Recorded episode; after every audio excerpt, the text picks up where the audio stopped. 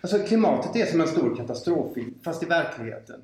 Och i värsta fall slutar det med att alla människor på hela planeten dör och allting vi har byggt upp under årtusenden går om intet. Varför är inte det århundradets thriller? Ja, jag vet inte. Men det borde vara det, eller? Mm. Det kanske är för att det är verkligheten som verkligen skrämmer folk. Välkommen till Klimatpodden med mig, Reinhild Larsson. Det är dags för det femtonde avsnittet och dagens gäster är John Wright och Gisela Brimstedt. Jag stötte på John via Facebook där han var aktiv i flera grupper som handlade om klimatförändringarna. Han hörde av sig och berättade att han höll på att repetera en pjäs som han skrivit manus till, Pappas pengar. Pjäsen handlar om en journalist som bevakar klimatförändringarna och som ärver massor av miljarder av sin far och bestämmer sig för att låta pappans mediaimperium fokusera på viktiga frågor som klimatet istället för den ytliga journalistik han dagligen blir vittne till och som har fått honom att bli desillusionerad. Just nu pågår repetitionerna för fullt och planen är att pjäsen ska ha premiär någon gång i höst. I pjäsen medverkar också Gisela Brimstedt, så John tog med sig Gisela och kom till mitt kontor en dag i slutet av förra året för att prata om arbetet med pjäsen, kulturens roll i klimatarbetet och hur deras miljöengagemang egentligen började. Eftersom både John och Gisela har varit aktiva i Miljöpartiet så pratade vi också om politikens roll för att stoppa klimatförändringarna och om eh, journalistikens skyldighet att inte bara peka på problemen utan också lyfta fram olika lösningar. Förutom att skådespela och engagera sig i miljö och klimatfrågan på olika sätt jobbar Gisela i hemtjänsten. John skriver pjäser, musikaler och romaner, regisserar, skådespelar, sjunger och har bland annat tagit initiativet till Facebookgruppen Studio Överlevnad med en uppmaning till radio och tv och andra medier att ha dagliga klimatnyheter för att väcka liv i klimatdebatten. Den här gången spelade jag in podden med en annan mikrofon än den jag brukar använda. Därav den ibland lite sämre ljudkvaliteten. Hoppas ni står ut med det. Och så vill jag förstås rikta ett tack till alla som lyssnar. Idag har podden nästan 14 000 nedladdningar, vilket ju är väldigt roligt förstås. Fortsätt gärna att kommentera avsnitten och tipsa om nya gäster antingen på hemsidan klimatpodden.se, på Twitter, Facebook eller Soundcloud. Du hittar podden överallt genom att söka på Klimatpodden. Vill du recensera podden så kan du göra det på iTunes. Och på hemsidan hittar du mer information om podden och om dagens avsnitt. Men nu är det dags för John Wright och Gisela Brimstedt. Varsågoda. Idag sitter jag här med Gisela Brimstedt och John Wright. Och ni kan väl börja med att presentera er själva. Ska du börja John? Mm. Vem är du egentligen? Ja, men det är en jättebra fråga för det kan man gå in på eh, djupet med på väldigt många sätt. Man får ju ofta den frågan hur man ska presentera sig och vad är viktigt då. Men när jag, har ju skrivit en väldigt kort ska säga, biografi kring mitt liv och där har jag fokuserat på det, som, det skapande som jag har gjort. Jag har gjort ett antal musikaler till exempel och det är det som har varit min passion och det jag kanske har lagt mest tid på. Så det blir ju en del av vem jag är tror jag. Och sen har jag tänkt mer och mer, jag blir ganska nyfiken på, du ställer frågan vem är du? Och det ställer jag frågan också. Jag tror att man upptäcker sig själv i nuet och hur man interagerar med andra. Så det kanske vi får reda på under intervjun här, tänker jag. Just det, och man kan ju välja också mm. och lyfta fram mm. olika sidor av sig själv. Mm. Och sen kan man säga som man skulle, det här CV-artade mer att okej, okay, jag är 51 år gammal och jag är född i Göteborg, jag har bott här större delen av mitt liv då och passion är att skapa konstnärliga saker som musikaler och pjäser och sånt där. Och sen är jag väldigt intresserad av miljöfrågan naturligtvis för att det har blivit eh, akut att vi sätter in mer åtgärder för att hindra klimatförändringar till exempel. Mm. Och Gisela, vem är du? Ja du, det är också en bra fråga. Ehm, jag är väl framförallt en vän till John kan man säga eh, i det här sammanhanget. Ehm, vi har känt varandra snart två år tror jag nu. Och eh, det var John som fick mig att gå med i Miljöpartiet. Jag är med i partiet fortfarande men jag är inte aktiv så, men jag satt i kommunstyrelsen ett tag för Miljöpartiet i Svenljunga kommun. Väldigt intressant att få en inblick. Eh, men jag kände att jag klarade inte av det riktigt. Det, det blev väldigt mycket, det är väldigt intensivt kände jag det. Och sen så, men det kan ha berott på att jag är både ovan vid eh, just den sortens arbete och inte har kanske den kunskapsbakgrund heller som politiskt arbete innebär. Men det var något du gjorde på din fritid då som fritidspolitiker? Ja, ja det var ja. det. Var absolut. Mm. Men det var John som fick mig att gå med i det. För då var du aktiv där också? Ja, jag eh, var aktiv i Svenljunga och så träffade jag Gisela eh, på café där i Svenljunga med Giselas eh, mor som jag hade träffat vid ett tillfälle innan, men hon kände igen mig. Och så började vi prata och då var det att jag hade just börjat i Svenljunga och det är inte så många medlemmar ofta i de här mindre kommunerna i, i mindre partier så och eh, det är jättekul när någon vill vara med så att eh, bara att du kan komma på något möte om du vill och så, sen så tycker jag vi har haft en väldigt bra stämning där i partiet och nu bor jag i Göteborg igen men eh, jag tror att, men vi kanske båda två att vi testar grejer ibland om man, om man hittar någon intressant person, en intressant energi, man testar hur, hur kan vi samverka för det handlar väldigt mycket om att skapa en bättre värld, tror jag. Att det skulle kännas konstigt om man lever sitt liv och bara som ett ekorrhjul och man bara lever någon slags Svenssonliv kanske inte ska det för, för att förolämpa folk som heter Svensson. Nej men det är liksom Man vill kanske att det, världen ska vara lite bättre när man lämnar den än när man kommer in i den. Och um, då tror jag att, att väldigt mycket av livet och vem man är, är alltså en del av hur man relaterar till andra människor. Man blir till i sin sociala sammanhang. Så därför är alla typer av grupper och så här. Jag har varit med i många grupper och sociala sammanhang. Eh, och det är ju där man kanske börjar växa som människa, när man interagerar med andra. Så jag är ofta nyfiken på att pröva så här. Mm. Olika sammanhang. Mm. Och vi samarbetar väldigt bra med teater nu, Gisla och jag. Hon har teater innan. Ja. Mm. Det ska vi prata mer om. Mm. Jag vill höra lite grann bara hur ert intresse för, eh, för klimat och miljöfrågan väcktes. Vad, vad, hur var det för dig Gisla? Hur, liksom, hur började det? Det är en väldigt bra fråga och jag är inte säker på att jag kan svara på den. Jag har, det har bara alltid varit en del av livet helt enkelt för mig. Jag är uppvuxen på landet och så väldigt nära naturen. Eh, sen efter gymnasiet så flyttade jag utomlands och då bodde jag i storstäder eh, i 14 år Oj. faktiskt och i sträck. Och då tror jag att jag fick ett väldigt bra perspektiv också på hur viktigt det verkligen är att vara nära naturen och vad man får och hur viktig den är för ens eget välbefinnande. Och jag märkte verkligen hur mycket jag saknade naturen när jag bodde i storstan. Men eh, det har ju sina fördelar både för och nackdelar, både att bo på, i stan och i, på landet. Så man behöver kanske ett både och. Mm. Men som sagt, miljö och, och klimatintresse har alltid funnits där på något sätt. Och för dig då, hur började det? Jag gick ju faktiskt med i Miljöpartiet 1997 och jag tror att det var delvis miljöfrågorna men också det här med kortare arbetstid och så här och nedrustning av försvaret. Alltså vissa frågor. Sen tyckte jag att det verkade som att det var, det var något nytt eller det var liksom ett helhetstänk och så här att allting hänger ihop och så vidare. Men sen fick jag ju, och när, när jag började, jag har skrivit eh, dramatiska verk väldigt länge men i början så fanns det ju inga miljöteman och så och det, det är också intressant hur de har vuxit fram senaste tiden och det var egentligen runt 2012 eh, där man kan se att i mitt skrivande så har det kommit in väldigt, väldigt mycket mer kring klimat och miljö och sånt. Därför att det har ju, har ju följt vad som hänt i media och så här och så får man ju uppfattningen att det här är på väg åt ett väldigt, väldigt farligt håll om vi inte gör någonting åt det. Och, eh, då blir det konstigt om jag skriver en pjäs om jag inte för in det på något sätt för då har man ju ändå chansen att få in de teman. Så jag tror det har vuxit väldigt eh, gradvis och så här.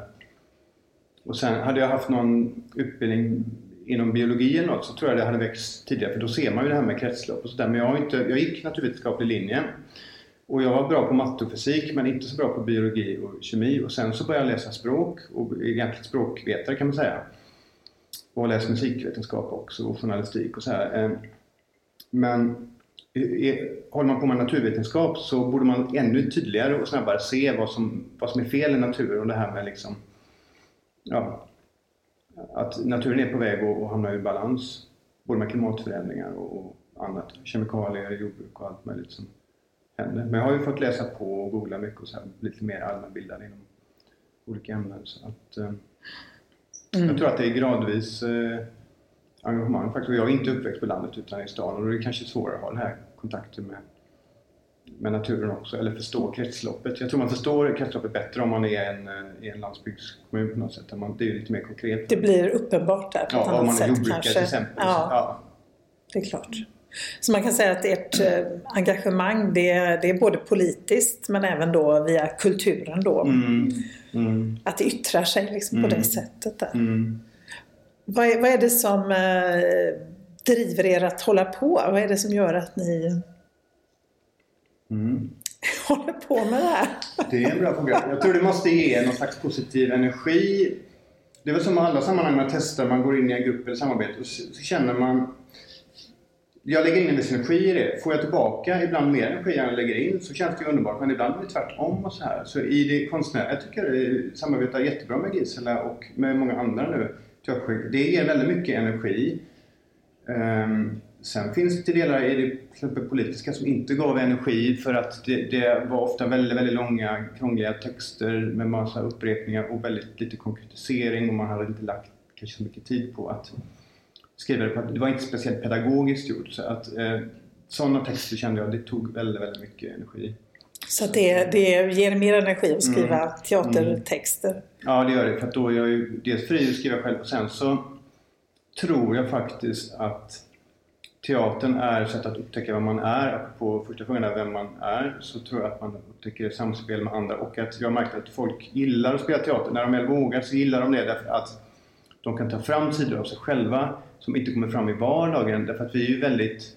Det sägs att vi är konflikträdda i Sverige, jag vet inte om det stämmer men det innebär att vissa känslor som aggressioner eller liksom att man tar fram star starka känslor. Det kanske man inte gör i vardagssituationer för man är lite, undrar, kan, kan jag säga det här? Det kanske jag inte kan. Då kanske jag träder dig för när och så vidare. Så att det kommer fram väldigt, väldigt mycket mer känslor inom teatern och inom musiken till exempel än man kan ha i ett vardagligt samtal. Om man inte är väldigt trygga med varandra för då kan man också släppa fram de olika delpersonligheter man har. På vilket sätt skulle ni säga att eh, kulturen kan medverka till att eh, ja, få en mer hållbar värld, stoppa klimatförändringarna? Alltså, ni har ju prövat på, det är lite intressant eftersom ni båda har jobbat politiskt.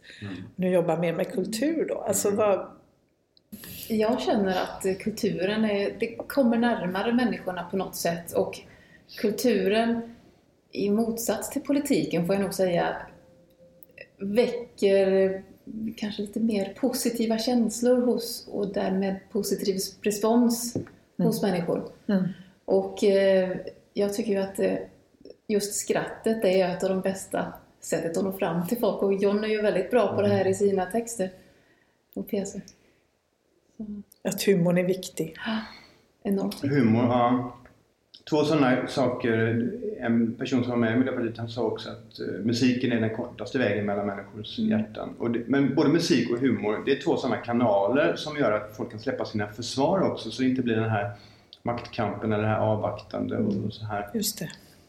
Och sen i en av mina musikaler så Billy som är huvudperson där, han har synpunkten att eh, det är genom kulturell verksamhet som människans själ synliggörs. Och det är en ganska fin eh, inställning. Att vi ser lite, man får en djupare självkontakt när man sysslar med kultur. Medan i- den värsta delen av till exempel det politiska är ju de här torra byråkratiska texterna som nämnde. Och så här, att det, där är känslorna, känslorna är så bannlysta där.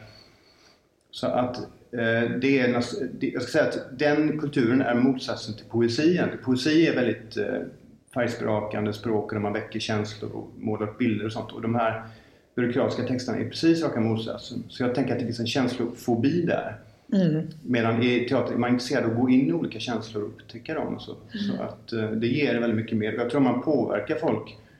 Jag fick en pjäs producerad i Östersund och då, var- då Folk satt och skrattade och tindrade med ögonen hela föreställningen och det var en fantastisk upplevelse att se det, hur de, hur de responderade på den pjäsen jag gjorde. Och, ehm, så sa någon att ehm, ja, det bästa sättet att påverka folk med budskap det är genom att skratt, få folk att skratta. För när de skrattar slappnar man av och då är man mer mottaglig för budskapet.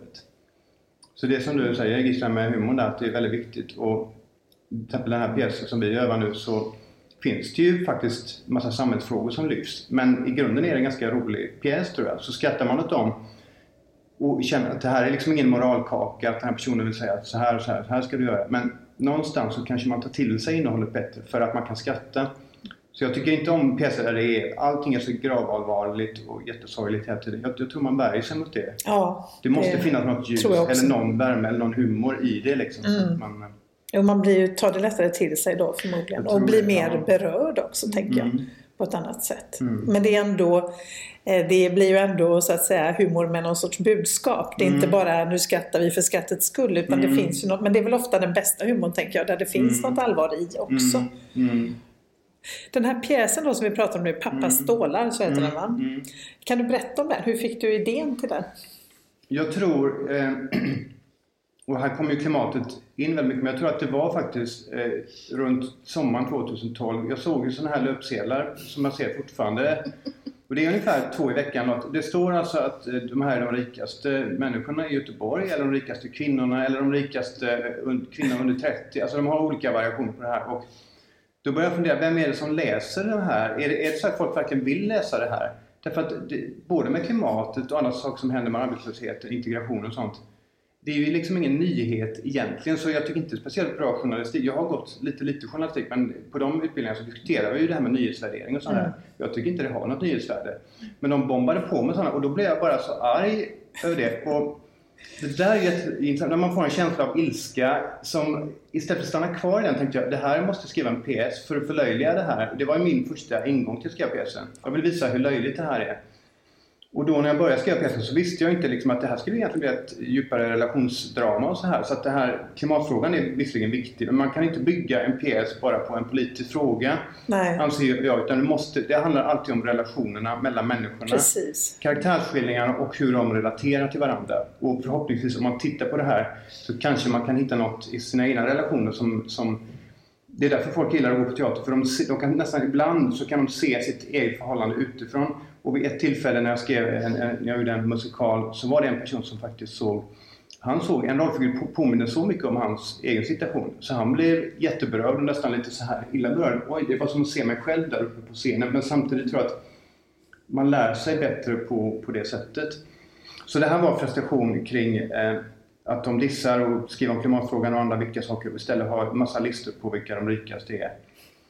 Eh, helt ofattbart för mig, men det kan hända att vissa tycker det är spännande att titta på det här. Men det kanske har med det här, eh, man pratar ibland om svenska avundsjukan, att man vill Jämföra sig. man vill jämföra, vad tjänar de och så här. Och så kanske man, I det sammanhanget, jag kan säga en grej som jag läste om i USA, så finns det det finns ju en sån här undersökning som visar att 20% av amerikanerna tror att de är bland den 1% som är rikast.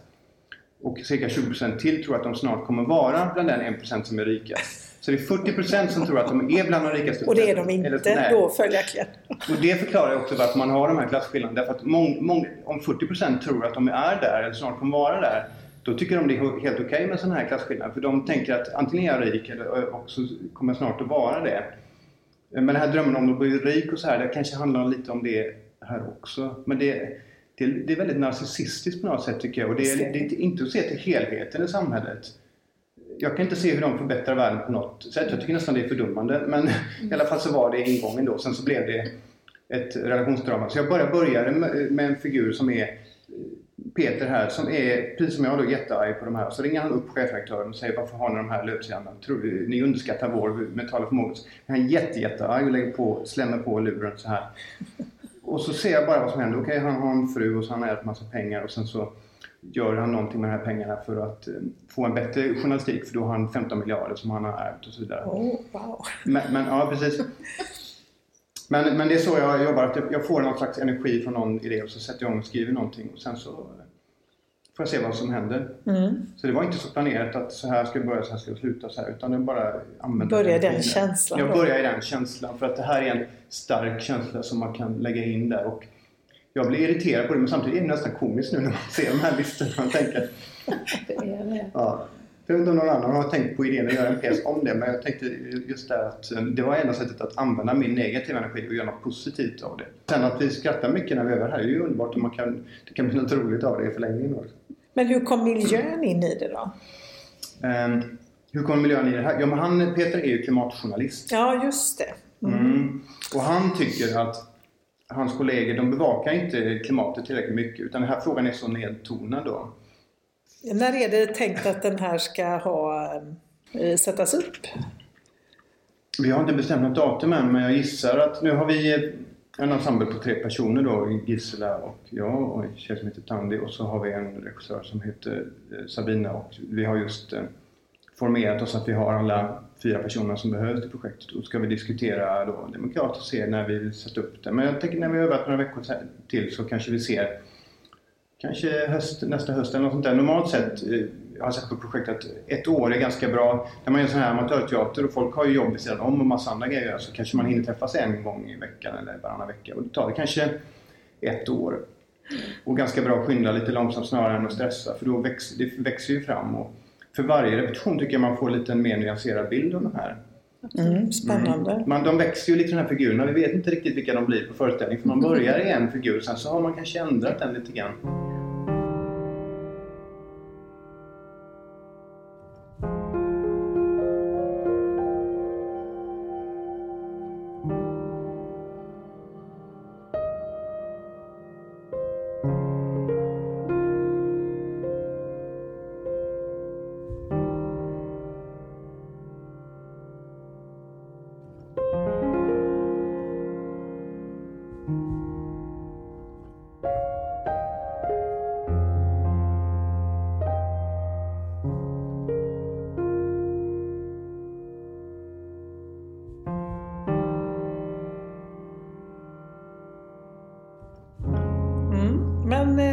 Läsa, eller ni läsa rättare ja. sagt, jag har ingen del eh, läsa ett stycke ur den. Och du kan bara presentera ja. kanske era karaktärer här, mm. vilka yes, ni är.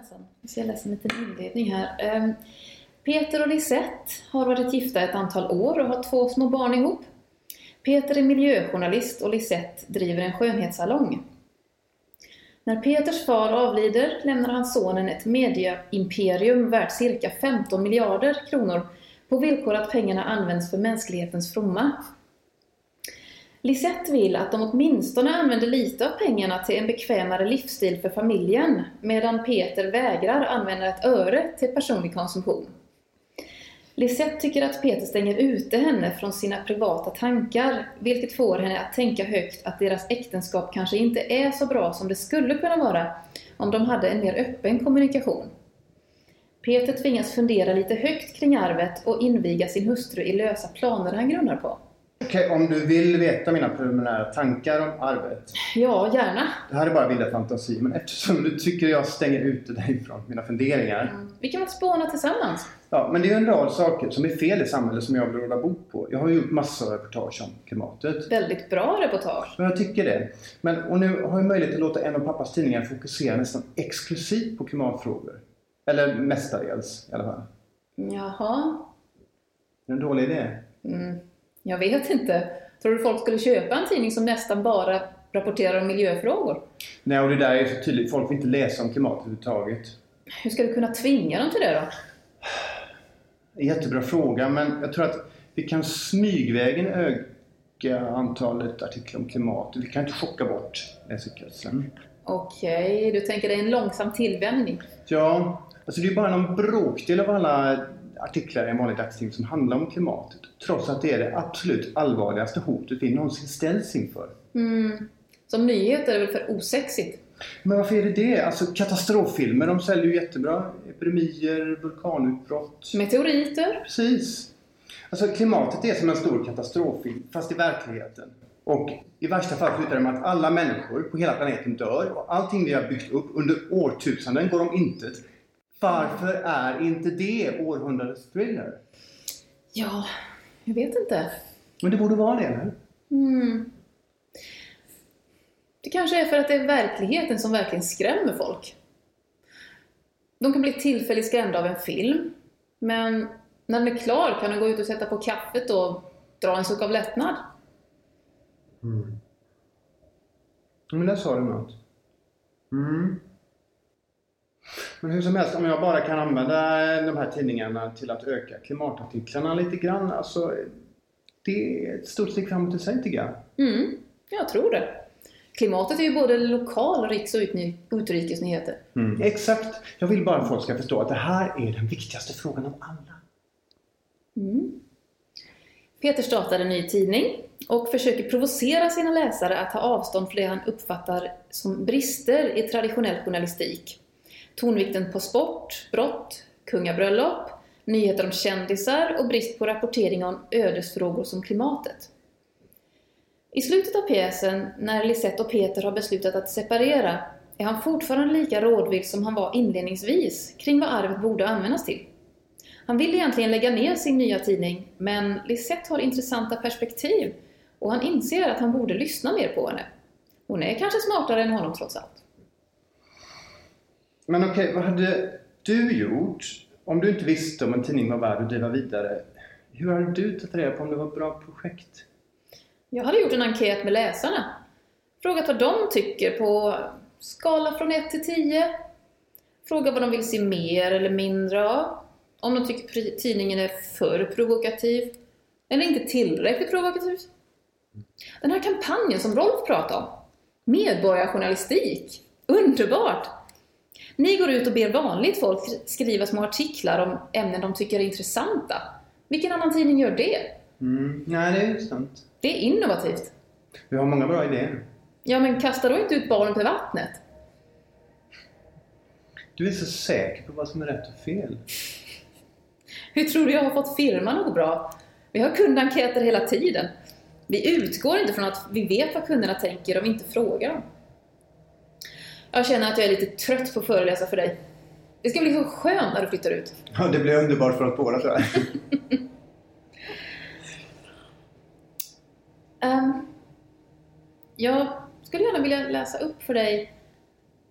Jag skrev faktiskt ett utkast till en ledare om det här med skönhetsindustrin, behandlingar. Ja, läs gärna den. Um, Dagens samhälle är kanske inte helt olikt tidigare kulturers eller de beteenden vi ser i djurvärlden. Honan gör sig vacker för att kunna attrahera så många hannar som möjligt. Att kunna välja den med de finaste generna ger den bästa utsikten för avkommans överlevnad. Vi ska kanske inte tro att denna starka biologiska drift eller fåfängan i att vilja vara vackrast vid en social sammankomst någonsin kan utrotas eller ens modereras. Men som allt annat när det gäller livspusslet bör vi fråga oss hur mycket tid och pengar det är befogat att lägga på att göra sig vacker. Skönhetsbehandlingar har många infallsvinklar som inte alltid behandlas i tidskrifter som riktar sig till presumtiva kunder. Hälso och djurrättsfrågor bör alltid beaktas. Jämställdhetsfrågan bör finnas i bakhuvudet då vi funderar över för vem vi gör oss vackra. Är det männen eller oss själva vi vill glädja? Och blir vi verkligen beundrade eller kan ett alltför ofta upplyft ansikte skänka ett löjets och desperationens skimmer? Hur mycket tid är det rimligt att lägga på sitt utseende i en värld där så många behöver någon som lyssnar till dem? Hur mycket fernissa har vi rätt att unna oss i en värld där hundratals miljoner lever på mindre än en dollar per dag? Jag har arbetat som skönhetsterapeut i 15 år med många nöjda kunder men den där glansiga ytan jag skänker har aldrig känts så viktig som den mänskliga värme vi alla skulle kunna ge så mycket mer av. Ibland uppstår denna värme i ett, i ett möte mellan två själar och vi kan se varandras verkliga skönhet. Plötsligt betyder inte utseendet någonting. Kan det vara så att vår jakt efter ytlig skönhet är ett substitut för de djupa relationer många människor idag saknar? Och det här är just i slutet av pjäsen så vi ska inte avslöja vad Peter tycker om det här Lisas förslag till krönika. Men den kanske talar för sig själv så var och en får ta ställning till vad man tycker. Mm. Spännande! Mm. men är det så att eh, pjäsen levererar liksom inga eh, färdiga svar sådär utan ni ställer frågor så att man får fundera själv eller hur? Eh, mm.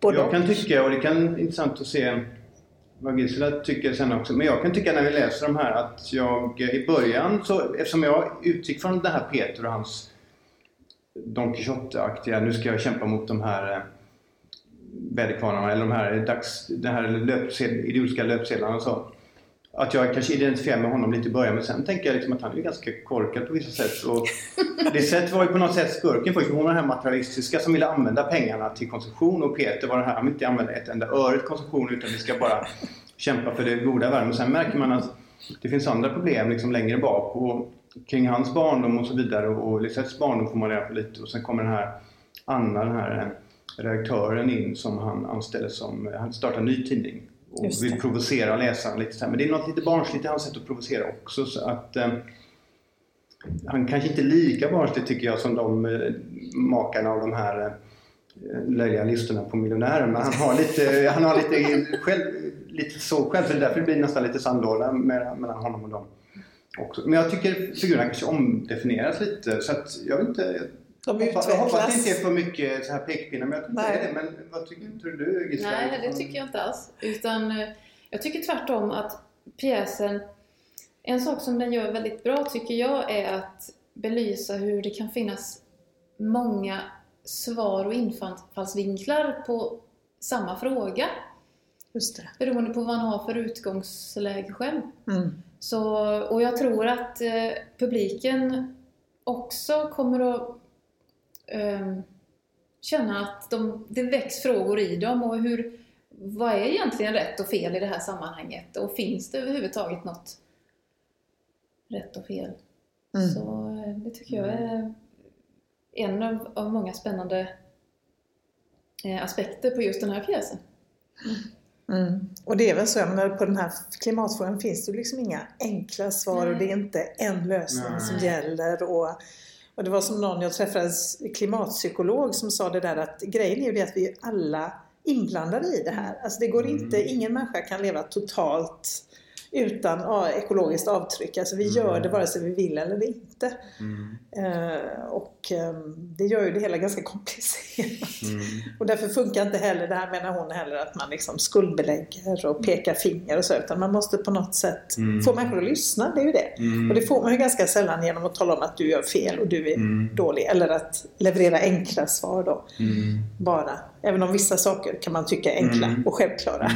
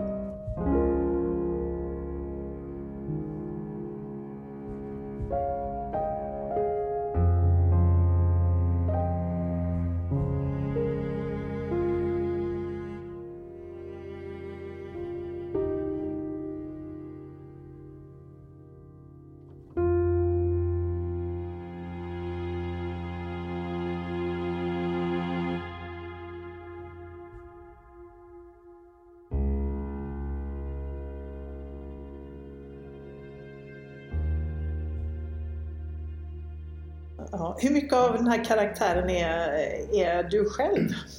Så ja, och det där är, men det är en väldigt bra fråga därför att jag tror ju, det finns ju psykologiska teorier om det här också med delpersonlighet och sånt och det, det har jag fått ganska mycket acceptans Jag har gjort en annan pjäs som ska göra imorgon som handlar just om terapi på person med hans delpersonligheter och det är bara första gången jag skrivit en pjäs, det är bara två personer i pjäsen så det är en terapiform. Men jag kan säga att vilken figur jag än spelar, det finns ju någon, vissa figurer det är lättare att relatera till. Jag kan relatera kanske lite lättare till Anna än till Peter men jag kan väl relatera till båda deras argument. Man byter perspektiv.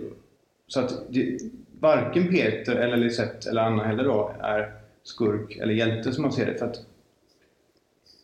och, och det vet jag inte om, men det finns ju eh, genrer så här där det är lite mer tydligt skurk och hjälte eller tjuv och polis eller detektiv och brottsling. Och ibland är, det, ibland är de serierna lite skickligare ur det så att det är lite mer nyanser i dem. Så, här. Men, eh, så jag kan nog relatera till hans miljöengagemang. Å andra sidan så känner han är, känner själv att han är ganska manisk och det tycker jag kanske inte att jag är på det sättet. Så, eh, men det är en utmaning. Det är, det är en utmaning att spela någonting som man inte riktigt är. Eller också har vi alla delpersonligheter som är maniska och blida och allt möjligt och aggressiva och kärleksfulla. Så får man bara ta fram den mm. delen. Men det är väldigt bra med teater att det är en struktur kring att när man spelar det så är det spel bara. Just det. Och man är medveten om det.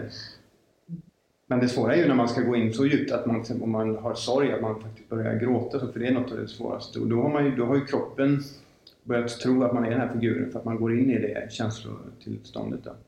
Jo, alltså jag tänker de här eh, ämnena, det här ni pratade om då när ni var era rollfigurer här nu. Det är ju väldigt mm. intressant det här med varför media skriver så lite mm. och hur man, och att människor, vill människor verkligen ha den mm. hemska sanningen och hur, mm. vad har ni för eh, funderingar som John och Gisela?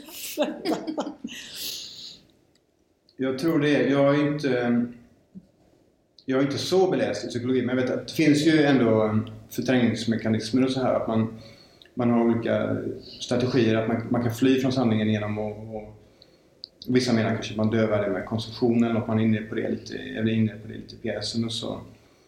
Så jag tror det kan vara en del av det, att man inte tar reda på det. Och sen, när du säger att vi är alla delaktiga, då, det är vi. Men jag tror att vi kan vara delaktiga på ett positivt sätt. Så en person jag träffade hon, hon kände sig nästan att hon var en belastning därför att hon hade ett eh, koldioxidavtryck och hade hon inte funnits då, då hade inte det intrycket varit. Och, och det, Usch vad hemskt! Ja, det är väldigt tråkigt att känna så. Men man kan, jag tror att hon, hon är väldigt engagerad så hon gör nog mer än positivt avtryck. Och det handlar inte bara om att man kan minska sitt eget koldioxidförbrukning, eh, eh, ekologiska avtryck och hjälpa andra att minska det. Det kan man göra, men man kan också tänka, vad kan vi, till, kan vi eh, arbeta i harmoni med naturen?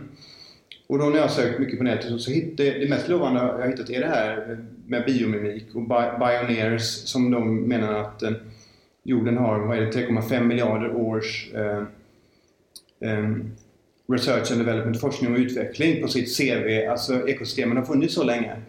Och de, de här fantastiska kropparna som vi är, så här, är ju fantastiskt skickliga på att överleva och hitta nya strategier och, och hur, hur eh, och hela dagens principer och det här med survival of the fittest. Så att jorden själv har skapat människor. Vi har inte skapat jorden. Vi är inte jordens herrar eller härskare utan vi är en produkt av jorden. Och vi kan bara överleva om vi förstår de här principerna som jorden använder för att skapa liv. Mm. Och harmonera med det. Och det är det som Bioneers gör då. Bioneers är ju en... Det är ju sammansatt från um, Biological och Pioneers. Så att det är de biologiska pionjärerna som tänker att vi ska lära av jorden och då finns det olika strategier som de jobbar på. Så jag tror att om, om de får mer mediauppmärksamhet, om man tittar mer på vad de gör och man skalar upp de här i stor skala så kan vi assistera naturen till självläkning. Mer näringsrika jordar och att man lagar mer koldioxid. Biokol är en sån här fantastisk exempel på både att man får bra skördar och att man faktiskt lagrar eh, koldioxid. Så det finns, massa, det finns jättemånga positiva grejer.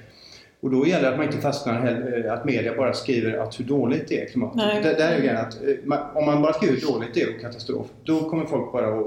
Ja, då är det ingen mening. Då kan man ju lika gärna fortsätta Nej. som man har gjort.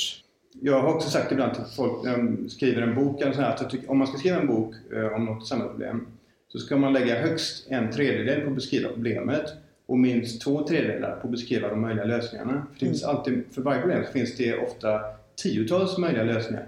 Beskriv dem och hur det appliceras någonstans i världen och hur, hur den här läsaren kan bli delaktig och göra någonting. För då vattnas det i munnen på läsaren och tycker wow, här får jag vara med och påverka världen. Men att bara skriva att nu smälter Antarktis, nu smälter Antarktis och så vidare. Det, man blir bara deppad av det. Ja, verkligen. Och så blir man uppgiven. Nej, men det håller jag verkligen med om. Jag tänker ibland på att vi borde införa något, eh, alltså hållbarhet även när det gäller journalistik, alltså ja. hållbar journalistik. Ja.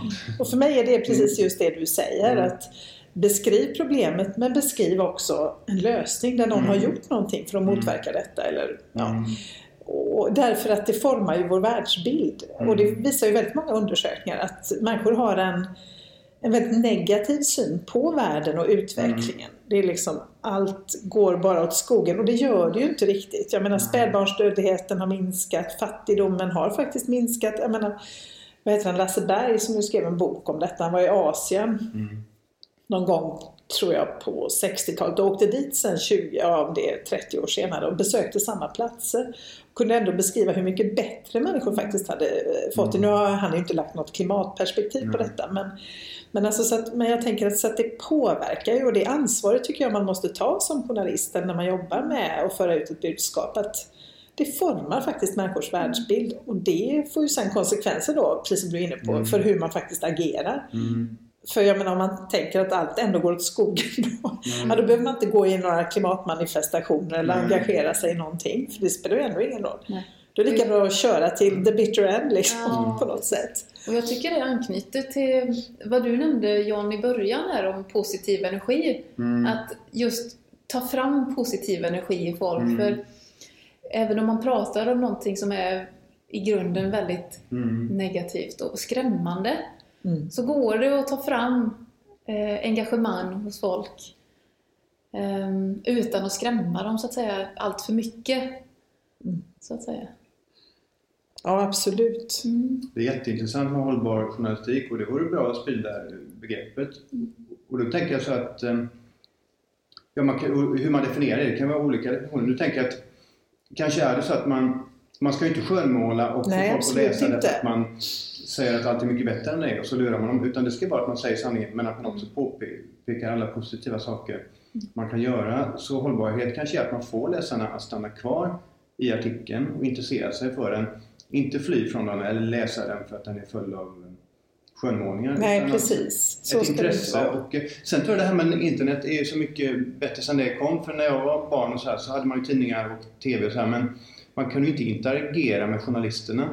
Nu om, om du skriver en artikel och har din mejladress så kan jag mejla och så, och så kan man eh, på Facebook och andra kan man skriva kommentarsfältet så kan man se vad andra tyckte om det här. Mm. Så det interaktiva tycker jag är jättehållbart på det sättet för man, man ser ju direkt, man får ju sån feedback från läsarna. Ja, det blir ju inte samma envägskommunikation Nej. som det har varit innan faktiskt. Innan, ja. Det, då hade ju journalisterna mycket mer makt också för vad som mm. publicerades och egentligen kan ju idag vem som helst starta en blogg eller eh, en mm. grupp på Facebook. Ja, du har ju själv startat den här Studio för mm. överlevnad.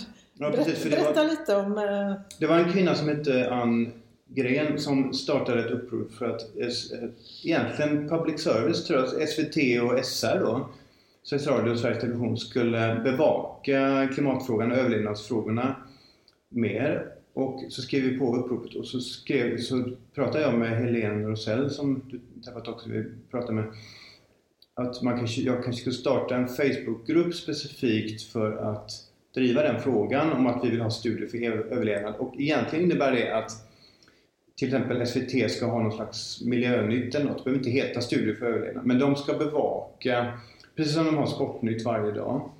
Och vi är inne på det i pjäsen också. Varför är sport och sportresultaten så viktiga? Vissa är jätteintresserade, jag kan förstå det. Men varför är det viktigare med det och, och börskurserna, jag förstår att det är jättestora värden och sånt, men det har man ju kurvor för hela tiden. Men varför har man ingen kurva varje dag för hur det går med ekosystemen? Vi lever, alla kommer att avlida om vi inte har några ekosystem Exakt. Det berör verkligen alla. Det berör alla, även om inte de fattar det. Och ordet ekosystem används väldigt sällan. Men ekosystemtjänster och sånt, man borde prata mer om det och man borde ha en barometer för det. Man borde ha en miljösändning i alla fall. Kan man inte ens ha fem minuter per dag i Sveriges Television så är väl det ganska dåligt. Mm. Och då startade den gruppen för att vi skulle diskutera hur man kan nå dit. Och det kom in väldigt många medlemmar eh, snabbt där. Så man kan göra så med en eh, Facebookgrupp och det finns något som heter Klimatnyheter som Ragnar Jönsson startade som över, det är runt 2000 medlemmar något tror jag nu.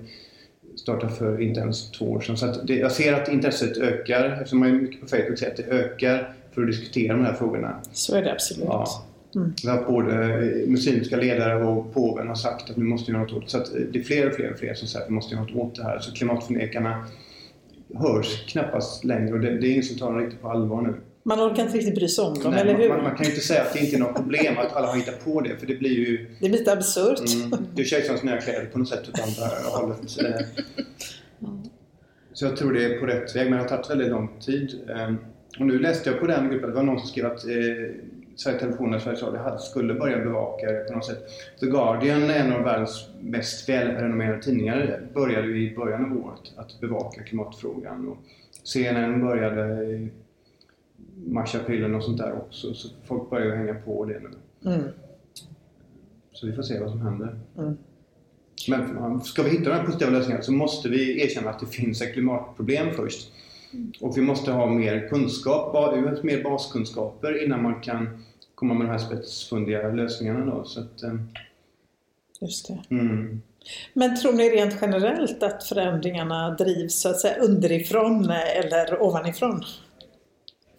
Underifrån tror jag, därför att ovanifrån har det inte varit så mycket. Nu kan man säga att ibland säger man att USAs president är världens mäktigaste man och Obama hade ju jag läste en artikel att eh, president Obama för tre år sedan också, så han visste inte hur han skulle väcka den här klimatfrågan riktigt i USA och sen så kom han på att han måste visa någon slags moral outrage, alltså han måste bli arg. De kallar honom för No Drama Obama i början för han är alltid så lugn och cool. Så jag måste bli riktigt arg för att det här ska funka och i en sån här eh, komediprogram så hade de någon som heter Anger Translator för Obama som heter Luther då. Som liknar honom lite grann och som i det här komediprogrammet så är, så, så är han arg. För han, han är det här Obamas eh, arga delpersonlighet som Obama inte släpper fram. Och sen så gör han, då, då, då blir han så här jätte, jättearg och visar hur Obama skulle vilja uttrycka sig om han fick lov att vara arg. Men någonting i sammanhanget, eller hans egen personlighet, hindrar honom från att vara det.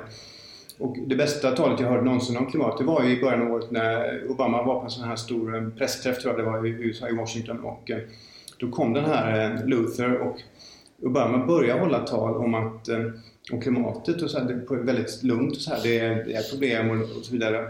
Och då översatte den här personen, stod bakom honom och översatte med vilda gester så här, hur arg han var egentligen. Och till slut så blev, till slut så blev Obama själv arg i den här rollen. Han blev så arg så att hans anger translator sa till lugna ner dig nu lite. Just det, du ska spela din roll. Det är inte din roll, det är min roll. Men där, där sa faktiskt eh, Obama, han till och med nästan skrek att hur idiotiskt det är de här som förnekar eh, klimathotet och han hade aldrig någonsin kunnat göra en sån sak om han inte hade varit i en komisk sketch, apropå teater igen. Nej, precis. Han hade inte kunnat säga det. Han sa i en presskonferens, för då hade han blivit anklagad för att vara obalanserad och opresidentlik och att han hade förolämpat folk. Men i den här sketchen så kunde han göra det och det han sa där, den ilskan han visade, det är den ilskan han känner egentligen tror jag. Och så, så kan man göra en teatral och det är ju precis som jag gör med de här löpsedlarna. Istället för att jag ringer runt orkar inte, jag har inte fått någon effekt om jag hade ringt runt till tidningarna så här. Då skriver jag en pjäs om det och så spelar den här personen för då får, då får jag ut min eh, ilska eh, mot de här löpsedlarna i alla fall. Den delen mm. är väldigt den, ja. lätt att spela. ja, just det. Mm. Så vad kan, vad kan politiker och andra eh, lära sig av kulturen då? När det gäller den här frågan. Hur man kan använda kulturen? Ja, alltså jag tänker på eh, humor till exempel. Mm. Som ett sätt att få människor att lyssna. För i min värld så känns det inte som att politikerna är speciellt de som driver utvecklingen. Snarare är de sist på bollen på ett sätt. Mm. När det gäller klimatfrågan. Och I viss mån är de ju reaktiva och det är underifrån. Det, det här stora Avaz, det här nätverket som jag tror är världens största. De har väl nästan över 40 miljoner. De, de har klimatet och massa andra saker som de har kampanjer om och man kan mejla och skicka petitioner och så på nätet. Och de ordnade ju, var med när det var klimatmanifestation, var en ganska stor i Göteborg och det, i New York framförallt förra året. Så var den största någonsin. Men um, de kanske borde syssla mer med kultur. Jag tänkte på eh, inför valet så intervjuade eh, Paul Peres heter han psykolog. Han intervjuade alla partiledarna. Just det. Och ett av Miljöpartiets språkrör och sen något sånt där. Och när han intervjuade Fredrik Reinfeldt, det var ett intressant samtal. Men jag tyckte när han pratade med Fredrik Reinfeldt om att han hade spelat teater eller något i gymnasiet. Då såg jag en sån här busig glimt i, i statsministerns ögon som jag tyckte var väldigt... Just den delen tyckte jag var intressant än något annat. Därför att då, då fick, känns det som att han fick lite kontakt med när, den tiden när han höll på med teater och sen så berättade han mycket om hur han spelade basket och sen höll han ju på med politik och var MUF-ordförande tror jag också. Han höll på, på med politik väldigt mycket. Mm. Men då kände jag att den eh, intressanta energin som han hade där, statsministern, det hade varit intressant om politiker kunde ha det. Om man kunde, tänk om de fick ha två timmar i veckan när de fick vara med i någon teater. Eller liksom att de gör ett rollspel kring eh, relationerna innan de gör förhandlingar och så här. För att den politiska miljön tror jag att folk kanske inte mår så bra i den. Att den blir väldigt styrande och man ska vara så allvarlig också. Och sen så får man ju liksom inte... Man kan skämta lite grann ibland men inte, inte för mycket. Nej. Man ska vara så seriös och allvarlig och torr. Och det tror jag inte att de här personerna är djupt inne kanske. När man tvingas spela den rollen. Mm.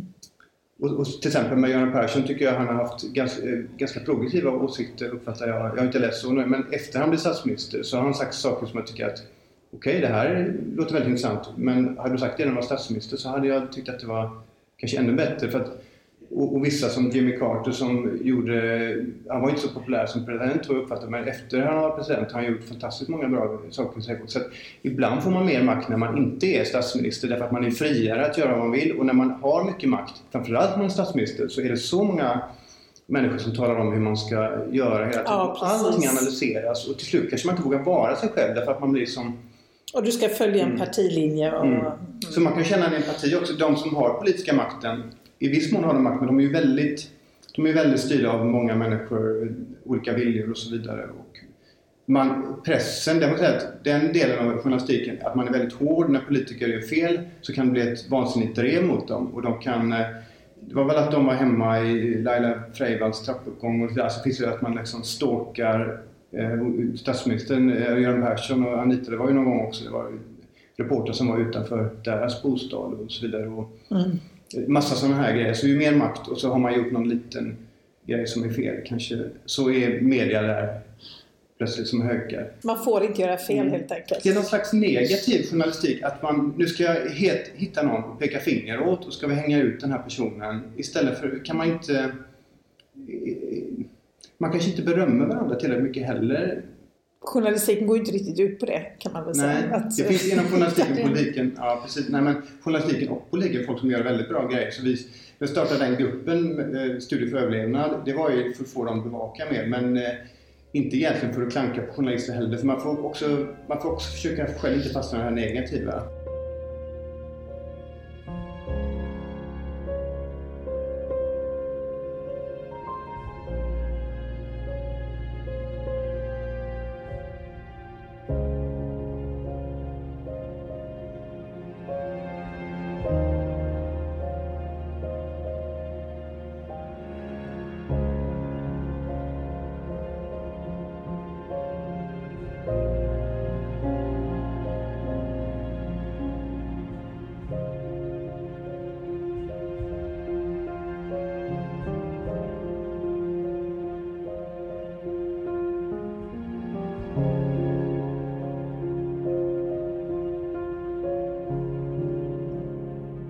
Men ni har båda övergett politiken idag, alltså det här partipolitiska arbetet, eller, eller är ni aktiva fortfarande?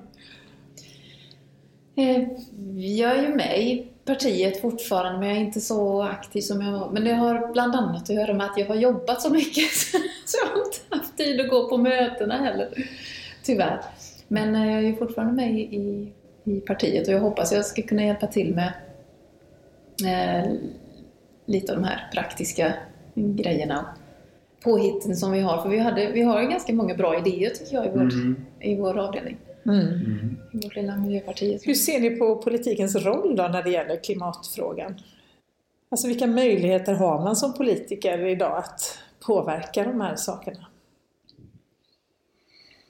Att stoppa Man kan ju tänka sig, det har ju varit olika förslag på um, koldioxidskatt och så vidare. Och om, man, om politikerna vill så, så, kan de ju ha globala sådana skatter. Jag tyckte det här med Tobin-skatt som är globalt kopplat till globalt barnbidrag som, som någon hade för något det var intressant. Och, så läste jag VDn för IMF gick ut och sa att vi kan ha en koldioxidskatt. Och, Just det, internationella valutafonden. Mm. Mm. Precis, och när, när, det, det, är väldigt intressant för när ekonomin, när de som har ansvar för ekonomisk utveckling, för väldigt mycket styrs av ekonomin. När de då säger att världsekonomin är hotad om vi inte gör någonting, då kanske det blir någon typ av koldioxidskatt. För det finns ju massvis med styrmedel politikerna kan använda. Men sen som jag diskuterat med några andra, att man kanske inte ska klanka för mycket på politiker heller om man har valt dem. För på något sätt är det ändå väljarna som Det har du rätt i. Mm. Väljarna väljer. Och de som inte röstar på någonting, då säger vi att de har ingen rätt att klaga för de har inte röstat. Och det är klart, det kan man klaga ändå, men jag tycker ändå man kan självansaka sig då att om jag inte tycker de här politikerna är bra och så har jag inte ens röstat, då har jag inte använt min möjlighet eh, och det är kanske är bättre att fundera, vad kan jag själv göra då? För det är det där med att peka fingret, att du gjorde fel. Och istället för att säga att du gjorde fel, kan man, jag kan försöka göra rätt då, eller vad jag upplever är rätt. Och i bästa fall kan man vara kanske föredöme för andra då genom att agera på ett eh, bra sätt. Mm. Och då kommer man tillbaka till frågan, vad kan man som individ göra då för att stoppa mm. klimatförändringarna? Mm. Jag menar, du skriver pjäser mm. och du medverkar i mm. pjäser mm. och eh, så som handlar om detta och mm. är engagerad politiskt och sådär. Mm. Vad, vad, hur stor makt har man egentligen? Kan man göra någon skillnad tror ni? Alla har vi ju i alla fall makt att till exempel göra sådana saker som återvinning. Eh, promenera till jobbet när vi kan. Sådana små saker som kanske ändå gör lite nytta. Mm. Och jag märker bland mina arbetskamrater till exempel så är det många som nu eh, har fått upp ögonen för eh, alla kemikalier och andra mm. saker som vi har till exempel i hudvård, skönhetsvård, färdigmat och alla de överallt. här sakerna. Mm. Precis mm. överallt. Byggmaterial i hus, liksom det är ju överallt. Så jag ser att människor börjar få upp ögonen mer och mer. Mm. Då, då känner man också att det finns saker som vi kan göra själva. Mm. Och pusha varandra lite. Och, och stötta varandra och ge råd. Mm. Hur är det i era, där ni liksom verkar och så i vardagen? Är ni, framstår ni som eh, vad ska jag säga, miljömupparna eller sådär? Eller är det folk, tycker folk att ni är beundransvärda eller är de lika engagerade? Eller, alltså hur, hur, eh, vad möter ni för reaktioner när ni pratar om de här sakerna? Nu kanske ni bara träffar andra som är superengagerade, det vet inte jag. Men... Uh, ja, det kan nog hända att jag framstår som en miljönörd. tror jag ibland. Varför tror du det? Eller hur, uh, hur märks det? Det var till exempel, jag, jag började med sådana här återvinningskassar. Och sen så så satte jag upp ett litet eh, blad med en speciell miljögrej eh, som är speciellt relevant för kvinnor då. Ja. Så satte jag upp i eh, damrummet, om man säger. Jag jobbar i hemtjänsten. Men så hade jag inte skrivit mitt namn under, så det var ju inte helt klart vem som hade satt upp den här. Men så Eh, så kom en av mina eh, kamrater fram till mig och sa, var det du som satte upp den där? Ja, det var Ja, vi trodde nästan det. ja, så det, det, är lite komiskt. Och hur är det för dig, eh, John då? Jag pratar väl, jag tänker nu att jag kanske pratar ganska lagom mycket om miljön och inte för mycket heller. Och jag känner att man kan ofta i ett samtal så kan man man kan se när man pratar om något om någon verkar intresserad eller inte. Och man ska inte, man ska inte prata ihjäl folk om miljön om de inte är intresserade för då tar de inte in det ändå och det blir nästan att man försöker trycka på. Men när folk ställer uppföljningsfrågor så är det bra för då kan man ju ge mer information. Och sen pratar jag om andra saker också. Men jag tror lite som i slutet när Lisette pratade om att det kanske är det här Tänk om jakt på eh, ytlig skönhet och materialism och så här. Tänk om det är för att vi saknar djupare relationer. Jag tror att man pratar kanske mycket om, kan vi få ett relationssamhälle? För jag tror konsumtionen kan vara också en flykt från för att döva sin smärta eller för att det, det är kul att shoppa loss just då. När man shoppat men det ger bara en, kanske en kortsiktig tillfredsställelse. Så ett sätt att se det är att eh, kan vi diskutera lite mer vilket samhälle vi vill ha överhuvudtaget och hur vi relaterar till varandra. Hur ser er vision ut av ett hållbart samhälle då? Där vi liksom har lyckats stoppa de här klimatförändringarna? En enkel liten fråga. Ja, Eller hur? men jag tänker ibland att det är viktigt just att skapa den här mm. bilden av, för annars blir det bara att man ser hotet. Mm. Men vad är bortom hotet? Alltså kan man, och jag tror någonstans för att åstadkomma de här mm. nödvändiga förändringarna så måste man ja. liksom se vad är det vi strävar mot? Mm. Och där kan man ha olika bilder, tänker jag. Men så är jag lite nyfiken på era bilder. Det tycker jag med Bioneer, som man går in och tittar på där. De har så mycket hopp och de liksom utbildar folk i hur man assisterar eh, naturen till självläkning eller hur man liksom assisterar naturliga processer i, nat i, i, naturen som är bra, till exempel koldioxidlagrande eller att avgiftning eh, och så vidare av tungmetaller och allt möjligt. Sen finns det ju en väldigt bra, jag berömde ju Helene Rosell, hon skrev den här miljöboken och jag gav henne lite feedback och lite idéer och sånt här och eh, hon har väldigt bra, eh, hon beskriver problemen först men sen har hon ett, väldigt vackert eh, visionsavsnitt och hur man ska kunna funka med lokalsamhälle, med lokal försörjning och så vidare. hur både relationen mellan människor kan bli bättre och att man slipper de här långa transporterna och man har lokal produktion. Det är en väldigt viktig del av det här. Mindre miljöbelastning och man vet ju mer källan till den här produkten. När man har så här globala transporter så vet man inte det här. Varan kan ha fått saker instoppade i sig på tio olika ställen och man kan inte kontrollera allt som finns i dem. Och så har de så här grejer som gör att maten ska smaka bra men det är en massa kemikalier som gör att den smakar bra. Så det är jättegott när man äter men sen har den en annan effekt. Så att dels att stoppa uppvärmningen och då är det dels naturligtvis att skära ner på koldioxid men sen får man också lyfta upp de grejerna som inte lyfts i klimatdebatten. Nämligen att när isarna smälter så blir det ju mörkare ytor än de här ljusa ytorna som isarna har. Så det där är en återkopplingseffekt. Och den effekten är näst, håller på att bli nästan lika drivande som koldioxid. Jag tror att en tredjedel av uppvärmningen beror på att antalet antal reflekterande ytor minskar, isarna smälter ner. Och även metangasen som läcker ut mer och mer som kanske kommer att eh, gå förbi koldioxiden. Så då måste man också diskutera metan, man måste diskutera den här reflektiviteten eller albedofaktorn som man säger. Albedo är ju latin för vithet och det är hur mycket som reflekteras bort av solljuset. Och ska man kyla ner snabbt så finns det sådana här tekniker som de diskuterar fast det är väldigt kontroversiellt att man kan skicka ut partiklar i stratosfären som gör att det blockerar solljuset. Och då skulle man relativt billigt kunna kyla ner så att man skapar någon slags global termostat. Allt detta måste man diskutera seriöst så att man inte någon bara plötsligt tillämpar det här och drar i panikbromsen så att säga.